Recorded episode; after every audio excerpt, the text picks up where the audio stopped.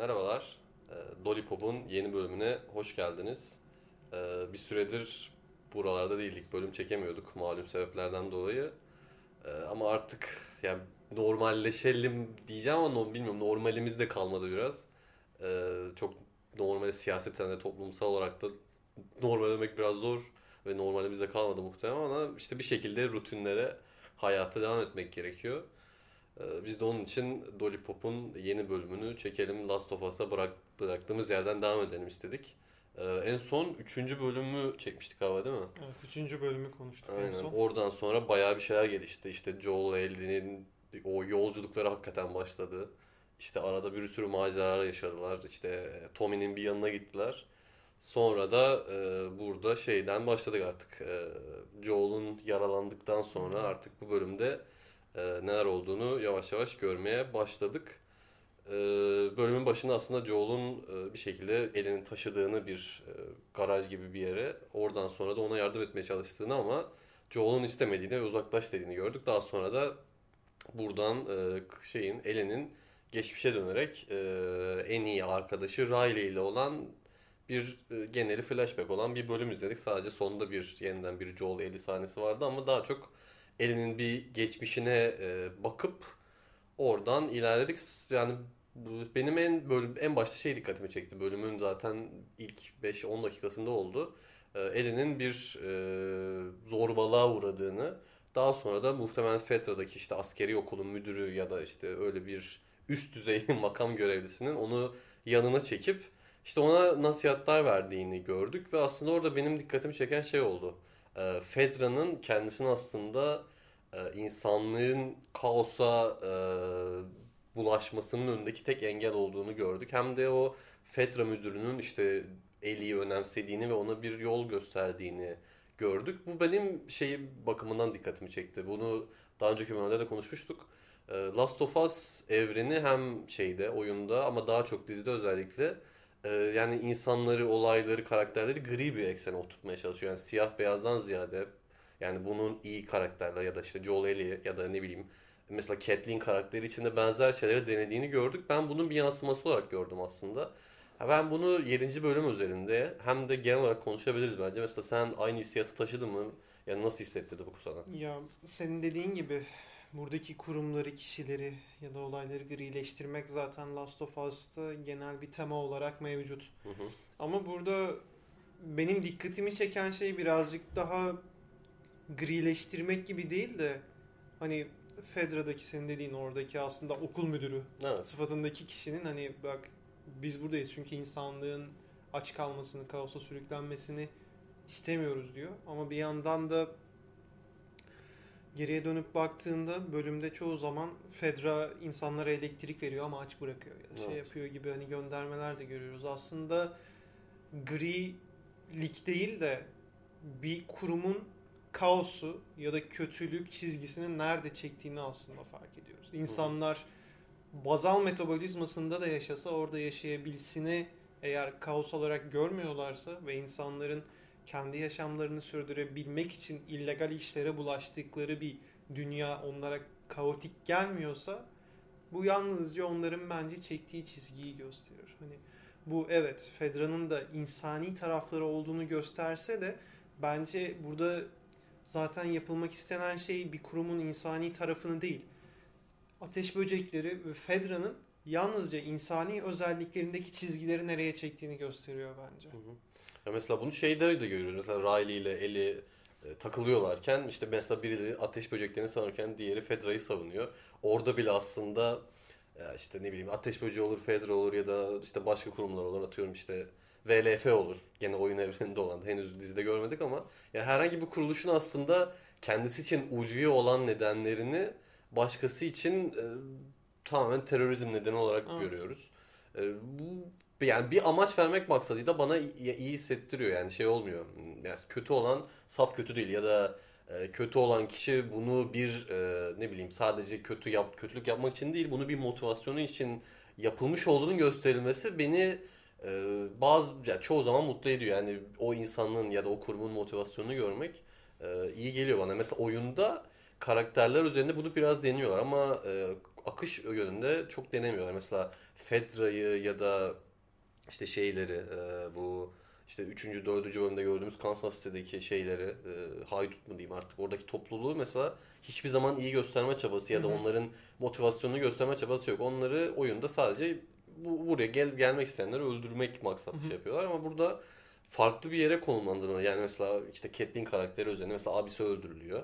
Ee, sonra işte abisini öldüren de kendi kurum işte top organizasyonlarından birisi ve bu onu e, kötülük yapmaya meyleden bir sebep olarak şey yapıyor. Yani ikna edici olur olmaz o tartışta mesela seni konuştuk e, ikna çok etmemiş. Beni etti mesela seni etmedi ama o e, derinlik hissi vermesi bakımından ben onu değerli buluyorum şahsen. Ya beni ikna etmemesinin sebeplerinden biri de şu aslında. Aslına bakarsan burada şu ana kadar karşılaştığımız ve genel bir yapısı olan 3 farklı grup gördük. Fedra'yı gördük, ateş böceklerini gördük de Kathleen'in başında bulunduğu aslında insanların direnişi Evet. tarzı bir kurum da demeyeceğim. İnsanların direnişi tarzı bir topluluk gördük. Evet. Ve bu topluluğun her birinin aslında bakarsan dayandığı nokta bana aynı gibi geliyor. Aslında her birinin mottosu yani barış için savaş Hı. gibi bir şey olsa bence aynı yere çıkabilir. Çünkü üçünün de aslında güç aldığı yer aynı. Hatta şuna bakarsan Tommy'nin olduğu komünün de aslında aynı. Barış için savaş onlarınki de. Yani evet. Aslında her birinin e, ilham aldığı demeyeceğim ama köken aldığı fikir aynı gibi geliyor. Sadece her birinin kendi e, fikirlerini manifesto etme yöntemi farklı. Hı hı. Mesela ateş böcekleri senin dediğin gibi biraz daha anarşist bir yapıda yaklaşırken Fedra daha kapitalist mi diyeyim Oto- artık otokrat. daha otokrat bir yapıda yaklaşıyor ama mesela Tommy'lerin Tommy'nin kurduğu şeye bakınca da direkt kendilerini komünist olarak Evet. tanıtıyorlar. Aslında her birinin köken aldığı fikir aynı. Sadece onları manifesto etme şekilleri farklıymış gibi gözüküyor. Hı Bana sorarsan eğer. Yani derinleştirme çabası aslında böyle bir yerde tekil kalıyor. O da çok beni Evet. ikna etmiyor diyorsun. Beni aynen o açıdan çok ikna etmiyor. Yani ikna etmiyor da demeyeyim. Nasıl diyeyim? Yani her birinin amacı zaten belli. Her birinin amacı hayatta kalmak. Ama mesela bazılarının amaçları bundan sapıyor gibi. Mesela daha demin dediğin gibi Catelyn. Hı hı. Catelyn'in bence kesinlikle derinleştirilmemiş bir karakter ve çok sığ kalmış bir karakter gibi hissediyorum ben. Çünkü intikam ateşiyle yanıp bir anda puf olup sönen bir karakter ve oraya eklenmesindeki ekstra amaç ne pek anlayamadım açıkçası. Henry ile Sam'e belki bir e, Henry ve Sam karakterine belki bir amaç katabilmek için hani bir şeyden kaçıyorlar, neyden kaçıyorlar? Bunun amacını sunabilmek için oluşturulmuş bir karakter belki hem de bir bölüm iki bölüm daha doğrusu değil mi? İki Aynen, bölüm iki bölüm. gözüküyor. İki bölüm gözükmüş bir karakter belki ama bence çok sığ kalmış ve kesinlikle e, derinleştirilebilirse derinleştirilebilecek bir karakter ama ölüm anında bile yani ölümle burun buruna geldiği anda bile hayatta kalıp insanlık hani uğruna bir şeyler feda ettiği insanlık direnişini devam ettirmektense yine intikam peşinde koşup ölüyor. Hı. Ve o Ya yüzden şey biraz bence- şey diyorsun aslında motivasyon falan gösterme. Tıraşı kesin. Bana Evet. aksiyon verin diyorsun. Aynen çok klişe. Aslında çok klişe bir karakter olmuş yani. Hani intikam tutkusu olan bir karakteri yani sadece oraya koymuşlar gibi olmuş. Anladım. O yüzden yani çok sığ kalmış bir karakter gibi geldi ve beni çok da hani bölümü izlemeye mi diyeyim, bölümü devam ettirmeye mi diyeyim hani motive etmedi Hmm, açıkçası. O sürükleyici aslında seninle daha demin de konuştuk bunu. İlk üç bölümde gördüğümüz hatta Bill'in, Fra- Bill ve Frank'in hikayesi bile her ne kadar durağan olsa da çok aksiyon içermese de seni sürüklüyordu. Seni Evet. sonunun ne olacağını itiyordu.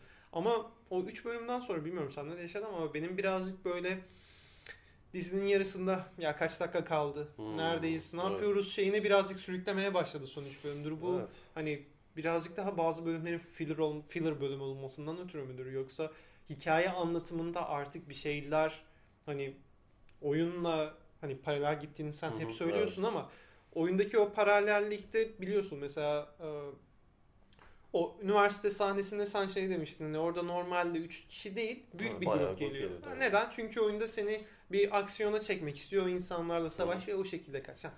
Bunu zaten dizide uyarlayamazsın çünkü gerçekliği Tabii. kaybedersin. Bir kişinin 10-20 kişiye karşı dayanabileceği yok tabii ki. Ee, ama bunu yapmaması da bunun yerine koyduğu şeyleri yeterince ilgi çekici yapmıyor bence. Anladım. Ve bu konuda da bir pace yani bir hızını kaybetmiş gibi geliyor dizi bana.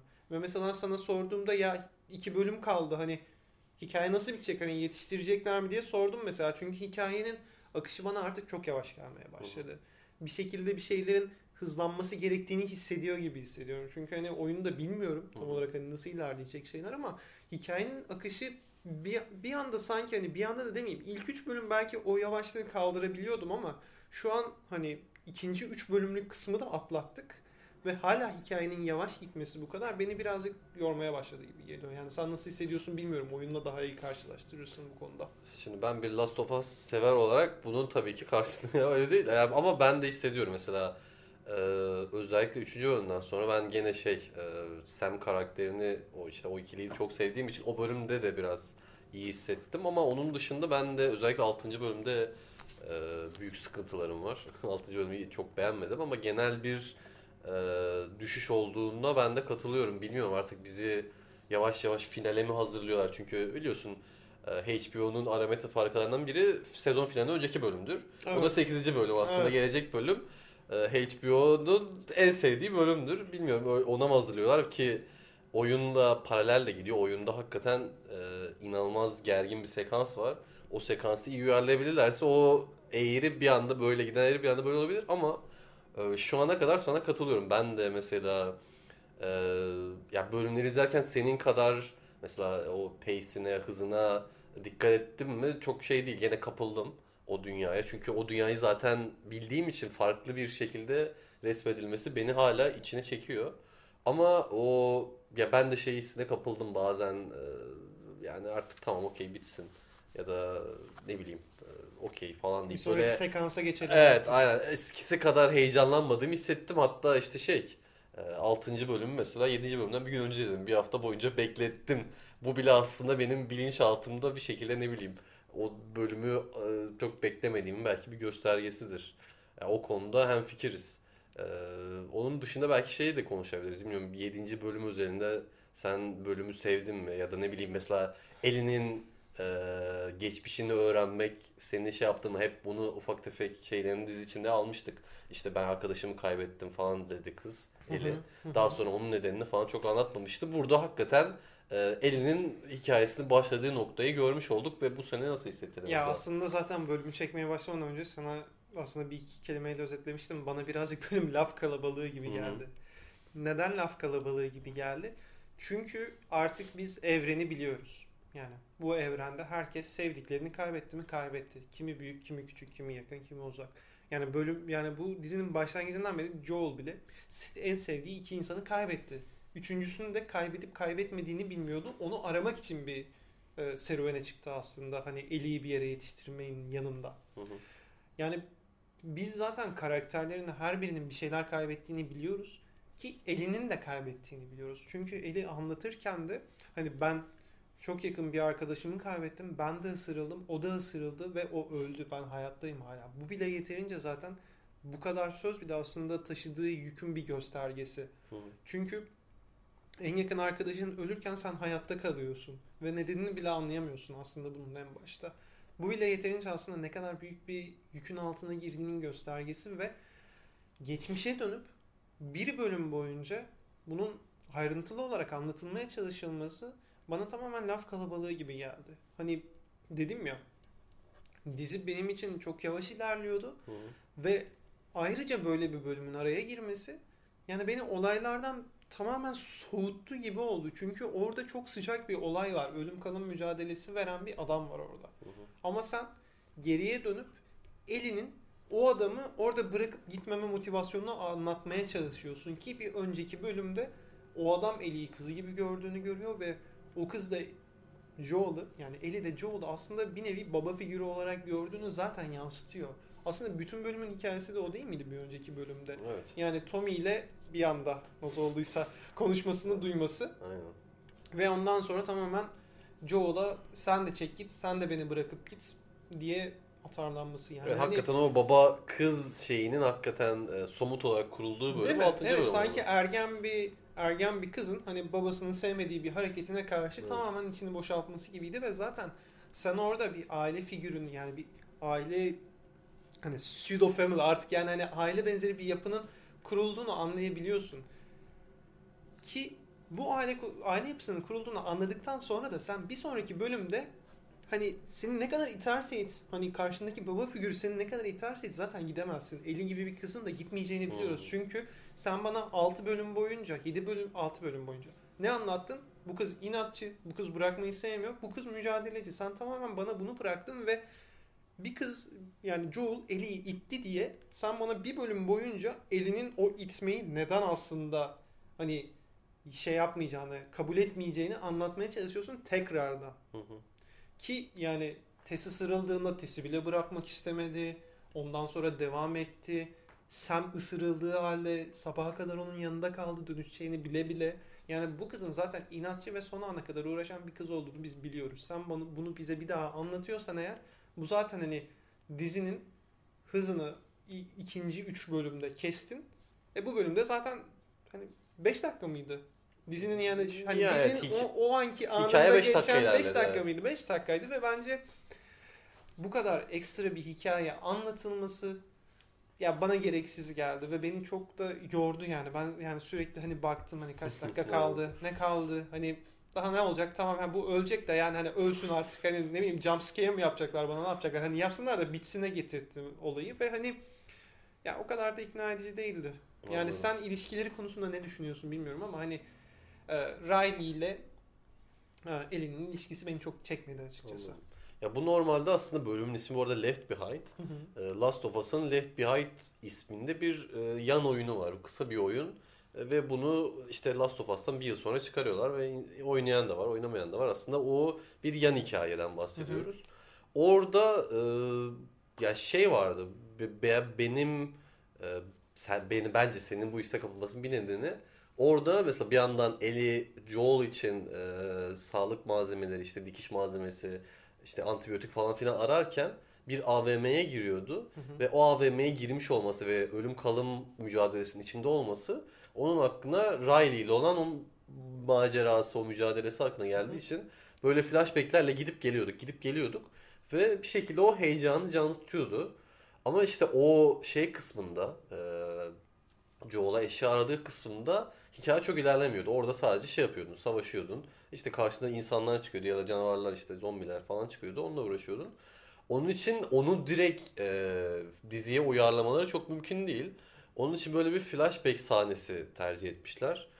E, ya Evet. o ben ya senin kadar şey hissetmedim, kötü hissetmedim veya da sıkılmadım. Fakat e, ben de şeye o aralarındaki kimya beni ikna etmedi. Yani o işte Ellie ile Riley arasındaki e, kimya bir şekilde bana şey çok yapay geldi ve ondan bir e, rahatsızlık duydum. Onun ya Ellie karakteriyle hiç sıkıntım yok. Hatta ben Bella Ramsey'nin Ellie karakterini çok iyi anladığını ve çok iyi oynadığını düşünüyorum. Ya onun için biraz Storm Raid'e yazıyorum işte Riley'i canlandıran karakter. Onun bir etkisi olarak görüyorum. Ee, yani ama onun dışında çok şeye kapılmadım aslında. Bu arada yani. evet bu bölümde ben de senin dediğine katılıyorum yani. Bella Ramsey Ellie'yi çok tutarlı bir şekilde Hmm. oynuyor. Her ne kadar ben oyunda ne kadar şey yaptığını hani nasıl bir karakter olduğunu bilmesem de yani birinci bölümden yedinci bölüme kadar yani en tutarlı karakter bence şu an Bella Ramsey'nin oynadığı E- Ellie karakteriydi hı. yani. Bu kadar büyük bir değişim mesela oyunda Joel'da yaşanıyor mu bilmiyorum. Ama mesela Joel'ın bir anda panik atak geçirmeleri böyle hani Yok ya. evet. Hani kahve Ay bana bir şeyler falan. oluyor. Heh, yani böyle bir anda kırılması, oturup ağlaması, Tommy'ye hani bu kadar şey yapması hani Yok. evet olabilir hani sonuçta bir insan bir şeylerden etkilenebilir şey yapabilir ama bunun bir bölüm, bir, bir bölümde Aynen. bir anda gerçekleşmesi e, bilmiyorum beni çok ikna da etmedi Evet 6. açıkçası bölümde çok yani. büyük sıkıntılar var bence. Birincisi o yani. Ee, bir anda Joel'u işte kalp krizleri geçirirken görüyoruz. Bilmem işte bir anda Ellie'yi bırakmaya karar verdiğini görüyoruz. Bir işte Hı. önce kardeşine güvenmiyor, hikayesini anlatmıyor, sonra bir anda anlatıyor falan. Yani yani Last of Us hep şey olmuştur. Oyunda da dizide de böyle bir şeyleri üstüne koya koya ilerleyen. Mesela A noktasından B noktasına gitmek için böyle senaryo triklerine girmeyen, sadece böyle anlamsız olaylar koymayan ama 6. bölümde o vardı. Sen de aynısı aslında 7. bölümde kapıldın. Biz böyle arka arkaya iki bölüm farklı Evet, şekilde. Ben yani 6. bölüm beni 7. bölüm kadar rahatsız etmedi açıkça onu söyleyebilirim ama yani 6. bölümdeki yine e, ya yapmaya çalıştıkları şeyi de hani senaryo bakımından anlıyorsun biraz hani yani bir drama oluşturup ilk önce işte hani Ellie ile Joel arasındaki bağ test ediliyor Hı hı. ve o testten geçiliyor. Artık yola yine birlikte devam edebiliyorlar. Yani e, bunu 6. bölüme bence yedirebilmişler. Hı Ha, hı. ya o Joel'ın panik atak geçirmesi, sürekli kalbini tutması, bir şey yapması falan çok çiğ kalıyor. O Hı hı. konuda ben de sana katılıyorum. Ama bence hani ortaya bir test atılmış. Hani bunların ilişkisi yeterince kuvvetli mi diye ve o test geçiliyor. Ondan sonra yollarına devam ediliyor. Onda ben bir sıkıntı görmüyorum ama 7. bölümde yani Riley ile Ellie'nin ilişkisi zaten bence iyi anlatılmıyor. Anlatılmasına gerek var mıydı onu bile bilmiyorum. Çünkü zaten biz çok önemli birini kaybettiğini biliyoruz. Sadece çok önemli birini nasıl kaybettiğini anlatıyoruz. Zaten onu da biliyorduk aslında.